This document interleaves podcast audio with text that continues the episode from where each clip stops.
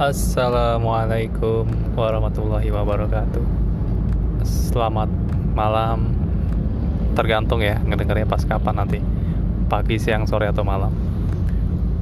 Ya, kesempatan kali ini iseng-iseng bahas topik yang ringan-ringan terkait dengan liburan. Oke, jadi sekarang ini kita kayaknya udah pada nggak sabar ya buat liburan ya. Mau jalan-jalan gitu mau jalan-jalan ke pantai ke gunung atau sebatas city tour gitu aja ya. Karena jiwa ini pasti udah terkekang banget nih. Berapa bulan ya kita di rumah mulu ya nggak ke mana-mana gitu. Dan ngomong-ngomong soal liburan ada uh, kecenderungan orang-orang yang mau liburan itu dia lebih demennya ke gunung atau lautan ya. Ini gue cuma bahas yang dua ini aja ya walau sebenarnya banyak orang-orang yang tipenya itu udah hajar aja semuanya dia mau liburan aja ke mana aja. Yang penting gue bisa liburan gitu. Tapi artikel ya sorry. Podcast kali ini lebih ke bahas tentang lu anak gunung apa anak laut gitu dan kenapa sih lu lebih demen gunung atau lebih demen laut gitu ya? Nah kayaknya banyak yang tanpa kita sadari gitu ya. Uh, sebenarnya kita tuh udah lebih banyak main ke gunung gitu ya atau lebih banyak main ke pantai gitu. Nah kalau gue sendiri gue nggak ada yang lebih terlalu gue suka ya. Cuman kalau dulu sebelum merit memang dijabanin dua-duanya sih. Gunung sama lautan gitu ya. Karena masing-masing tempat wisata gunung dan lautan itu kayak punya kebahagiaannya sendiri gitu sih. Gunung kebahagiaannya uh, misalkan menemukan sun sunrise atau sunset gitu ya. Terus kalau di lautan itu ya kita bisa snorkeling gitu ya. Melihat pemandangan bawah laut yang biasanya kita cuman melihat pemandangan perkotaan.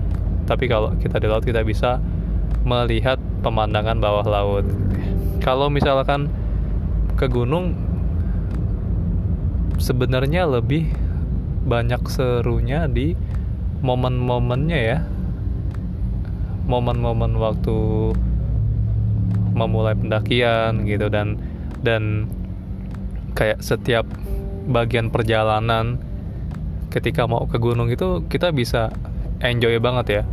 Kayak misalkan persiapan dari rumah tuh kita harus nyiapin keril isinya macem-macem tuh itu kayak nggak boleh ada satu benda yang kita lewatin deh kalau misalkan mau ke gunung gitu perlengkapan-perlengkapan yang wajib dibawa itu bener-bener nggak boleh dilepas gitu ya. Nah kemudian carry lengkap. Biasanya kan kita berangkat kalau trip-trip gitu mungkin Jumat malam sepulang kerja gitu ya atau sepulang kuliah kita kerja. Eh sorry kita berangkat. Kita berangkat ini kalau misalkan mau ke gunung-gunung yang ada di di deket-deket Jakarta ya paling paling sering dikunjungin sih kayaknya Papandayan di Garut ya. Ada Papandayan ada Cikuray ada Batur ada apa lagi ya? Gue juga lupa tuh saking udah lamanya nggak aneh gunung ya. Tapi ada gunung-gunung yang dekat itu sebenarnya yang yang level mendakinya itu nggak terlalu serem-serem banget ya nggak terlalu apa ya harus kita pro banget gitu mendaki itu. Jadi kayak pendakian santai aja jadi dapetin feel feel camping di gunungnya aja gitu. Jadi tadi ya balik uh, ke persiapan. Kita naik bus rame-rame gitu. Naik bus bareng sama orang-orang terus kita harus nyiapin uh, apa bawa bawa bawa keril gitu. Terus ya udah nikmatin perjalanan selama di bus sambil ngantuk-ngantuk. Terus nanti biasanya subuh-subuh jam 3 atau jam 4 kita udah nyampe checkpoint uh, checkpoint kotanya kali ya. Jadi kalau misalkan kayak mau ke Papandayan ya kita nyampe di Garutnya deh.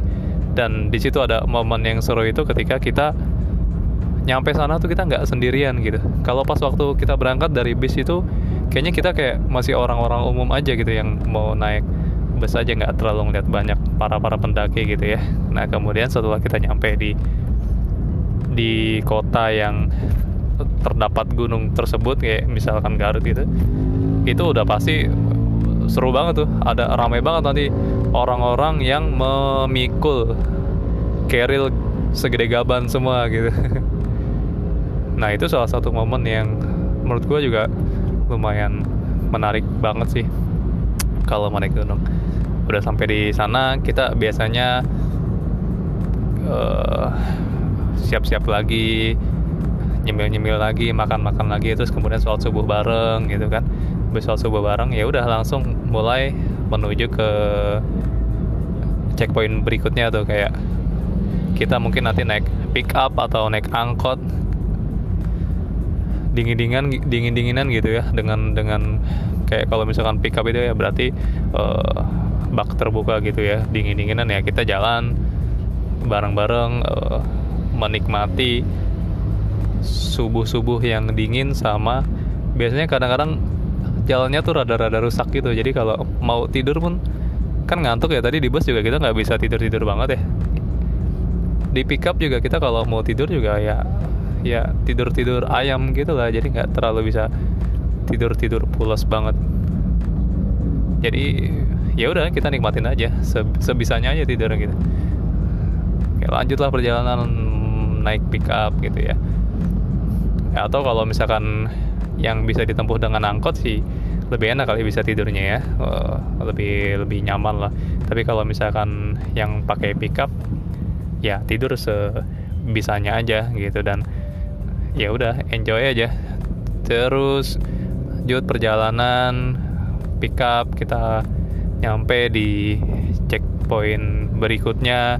Itu biasanya udah di kaki gunungnya gitu ya atau kalau ada beberapa gunung yang nyampe nya itu kita ke desanya gitu desa di bawah kaki gunungnya. Nah nyampe di sana juga pas banget lagi subuh-subuh atau pagi-pagi gitu ya. Itu bisa nanti lanjut sarapan bakwan goreng pisang goreng nasi goreng sama ya mungkin mie lah ya. Kayak menu wajib gitu. Dan jangan dan kewajiban ketika pagi ya biasanya pada setoran dulu tuh sebelum nanti akhirnya pada pada beranjak menuju cek poin berikutnya. Sampailah tadi kan di checkpoint yang kaki kaki gunung itu ya. Udah dari situ kita prepare semuanya untuk melakukan pendakian. Wah semua harus dicek-cekin. Timnya kita siapa-siapa aja jangan sampai lupa. Kita masuk rombongan yang mana. Nah terus kalau udah siap semuanya ada lagi momen yang seru lagi.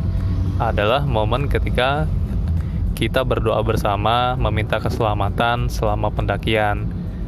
Semoga ketika mendaki nggak terjadi hal-hal yang aneh-aneh gitu ya, hal-hal yang uh, di luar di luar prediksi kita gitu dan semoga pendakiannya aman-aman aja gitu. Oke, itu menarik sih doa bareng gitu kan. Sambil suasana pagi di bawah kaki gunung. Sambil berharap nanti tiba di gunung yang kita ingin daki. Nah selepas doa baru kita uh, melakukan perjalanan santai mendaki gunungnya. Nah biasanya untuk mendaki gunung ini awal-awal sih kita nggak bakal ketemu trek yang langsung langsung curam gitu ya. Jadi kayak kita masih jalan landai dulu lah jalan landai ke checkpoint pertama di pendakian misalkan. Jadi ya selama jalan landai itu mungkin kita masih bisa masih apa ya masih penuh energi gitu ya masih bisa ngoceh sana sini. Biasanya masih masih enak lah denger dengerin headset atau sambil nyanyi nyanyi udah jalan dah kita. Terus jalan biasa selang beberapa jam barulah kita uh,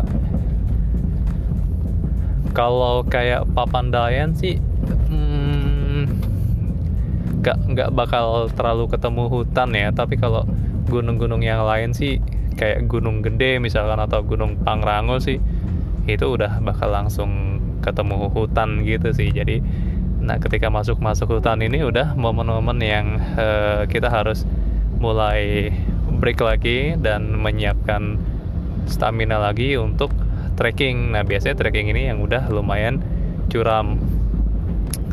Nah di saat trekking yang lumayan curam ini kita bener-bener nggak boleh terlalu apa ya kayak nggak boleh terlalu ngebut banget gitu dan nggak nggak boleh terlalu slow banget gitu. Kalau ngebut banget itu kayak jalannya atau uh, kan kita bawa carrier ya yang yang suka jadi problem itu kalau kita salah-salah nginjak atau gimana ya jadi kakinya terkilir gitu. Nah kalau kalau kakinya terkilir tuh udah kayak udah lah lu nggak nggak nggak dapet feelnya lah naik gunung gitu kan berasanya sakitnya doang gitu. Kalau kalaupun jalannya lambat-lambat apa ya biasanya malah kayak gampang kecapean juga sih gitu atau lu malah kedinginan banget gitu kalau jalannya terlalu lambat. Jadi memang mendingan ya jalannya ya santai di bawah di, di dinikmatin gitu. Tapi uh, apa ya tetap tetap semangat juga gitu. Nah biasanya kalau yang baru-baru mendaki itu pasti uh, nanya-nanya mulu nih bang nih udah berapa berapa lama lagi ya gitu? Berapa berapa jauh lagi ya? Itu sebenarnya pertanyaan yang paling sering muncul gitu ya. gue biasa kalau dulu ngeguide gitu kalau ada yang nanya gitu ya paling gue bilang ya paling kita berapa menit lagi gitu ya. Walaupun kenyataannya berjam-jam lagi kita harus ngendaki. Tapi emang orang yang yang kayak gitu nanya-nanya gitu ya emang harus digituin tuh. Biar dia nggak nggak uh, ngedrop juga sih. Sebenarnya pengen aja gue bilang masih jauh gitu. Cuman kan kalau dikasih tahu kayak gitu ya uh, mungkin bisa ngebuat dia jadi tambah cepet capek gitu ya. Mending kita kasih hal-hal yang positif positif aja gitu. Nah udahlah kita uh, lanjut selama perjalanan.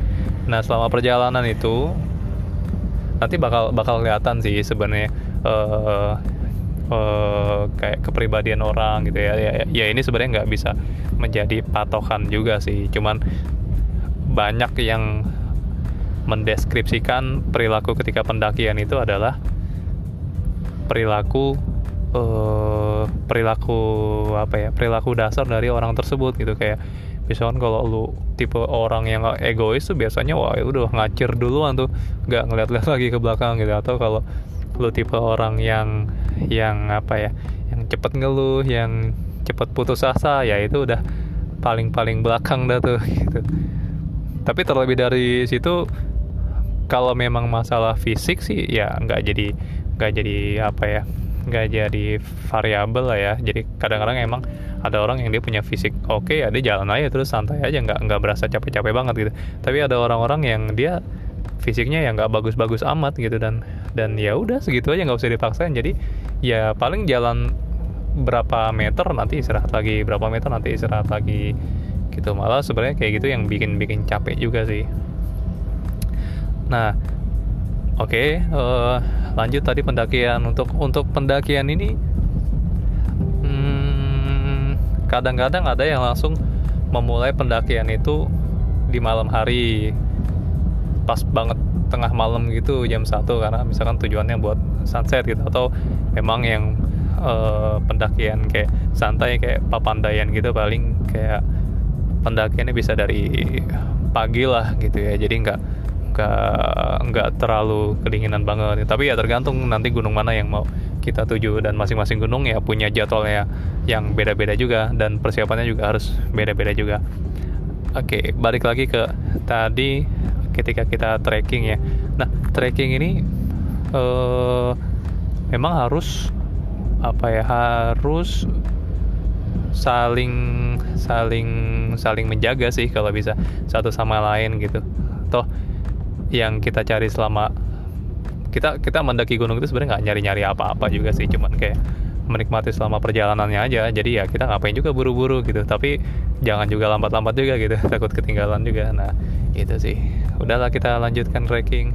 Nanti biasa selama trekking itu kita bakal menemukan uh, kayak pos-pos gitu ya atau checkpoint-checkpoint gitu ya.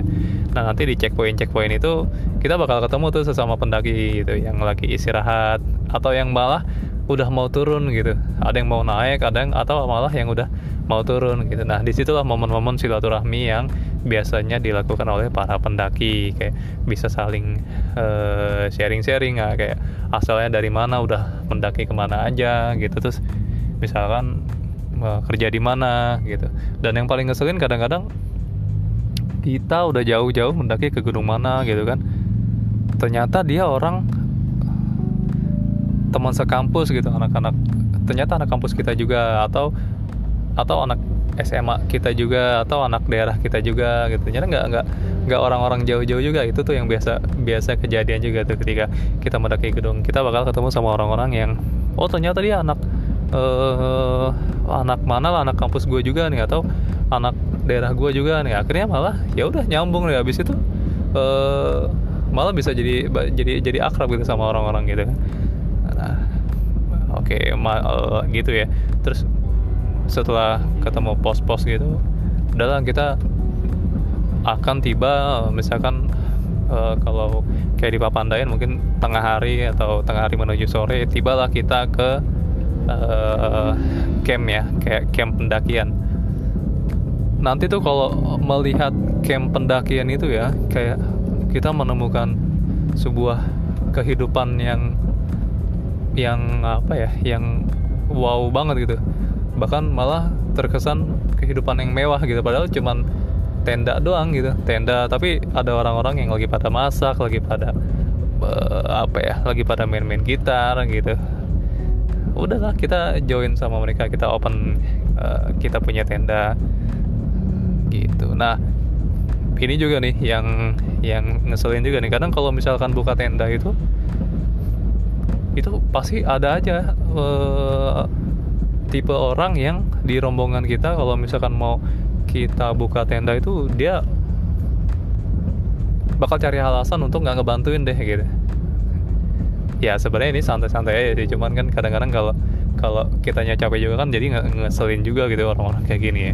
Tapi ya pasti ada orang-orang yang kayak gitu sih dan ya kita nggak boleh uh, kesel juga sama mereka ya karena mungkin kondisi mereka juga lagi nggak terlalu bagus. Tapi ada aja tuh orang-orang yang seperti itu gitu. Dan dan ya itu jadi salah satu salah satu ke keseruan juga sih dalam dalam pendakian gitu ya.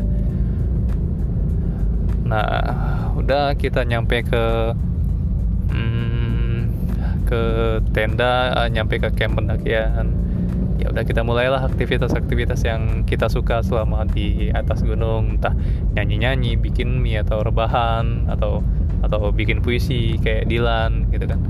Dan ya udah macam-macam sih bisa kita bisa kita lakukan di sana. Hal-hal yang positif tentunya.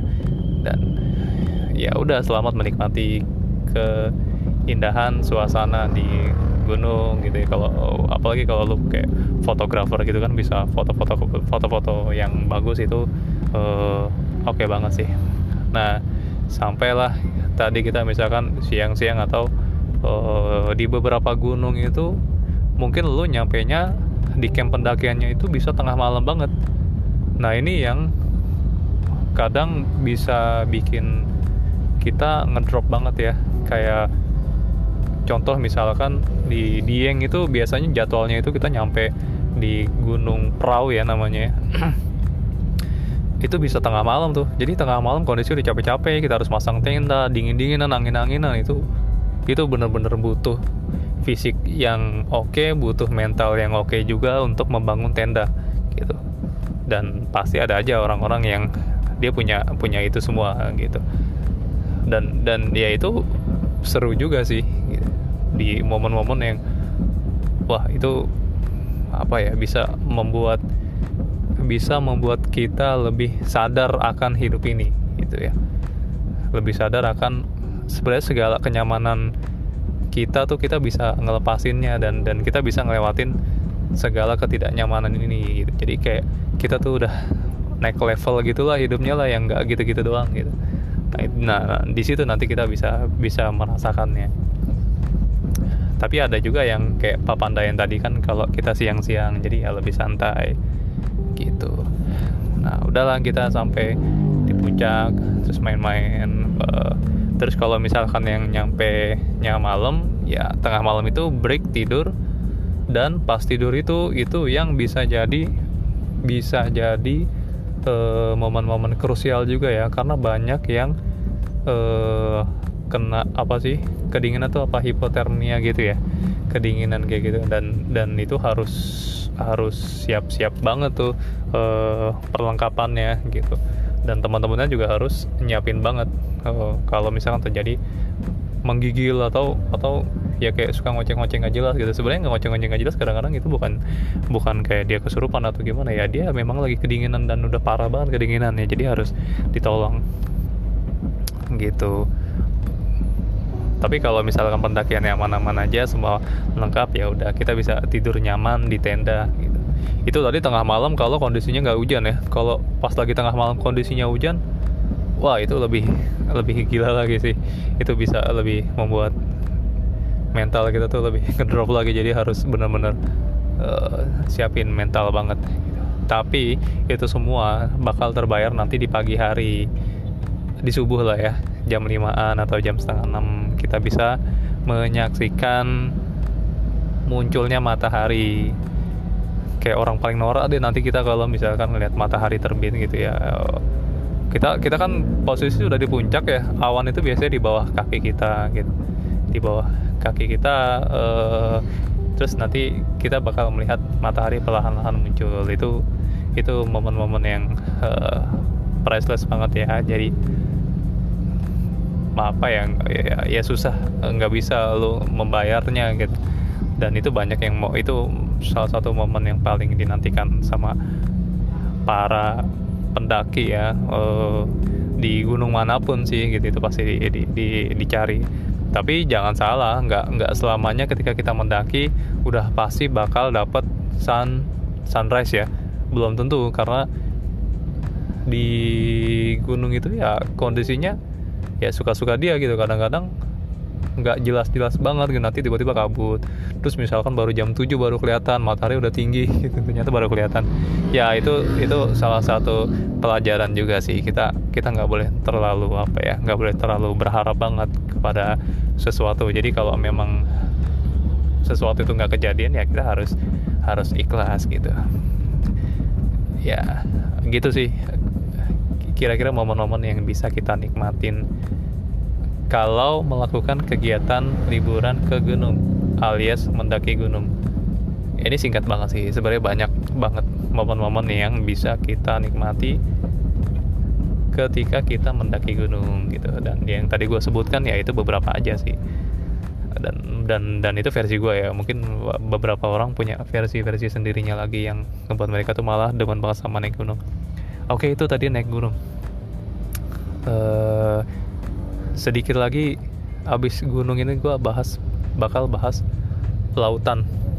Ini lautan ini gue sebenarnya belum terlalu ke mana-mana banget sih lautan. Paling kalau yang paling bagus yang pernah gue samperin ya cuman Labuan Bajo doang tempat-tempat lainnya belum belum terlalu ini banget lah belum terlalu gue samperin banget lah. Atau eh, sorry belum pernah ke sana gitu ya. Kayak Ora Raja Ampat ah itu masih jauh banget lah.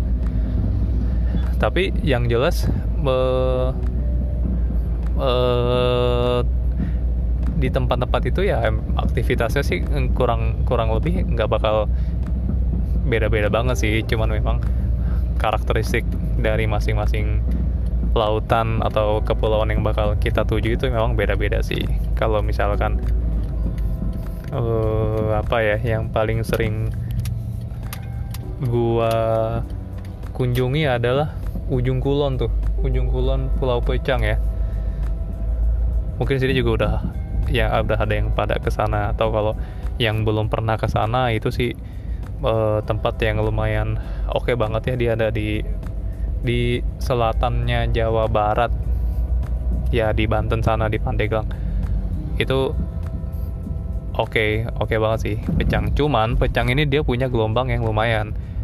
Sebenarnya ya ya gelombang aja sih. Cuman berasa lumayannya gara-gara kita naik kapalnya tuh kapal yang kapasitas kapal kayu yang kapasitas 30 orang. Kalau misalkan lu ke Pulau Seribu itu kan sebenarnya gelombang juga ya. Cuman kan karena kapal yang kita gunakan itu juga kapal-kapal gede ya jadi nggak nggak terlalu oh nggak terlalu mepet banget sama laut lah gitu tapi kalau misalkan kalau ke ujung kulon gitu dengan kondisi gelombang yang uh, samudra ya uh, kita ngelewatin samudra menggunakan kapal nelayan yang kapasitasnya cuman 20 sampai 30 orang. Nah, ya udah selama perjalanan itu kalau yang belum pernah banget ke sana pasti deg-degan tuh sepanjang jalan. Ini bukan maksudnya nakut-nakutin ya.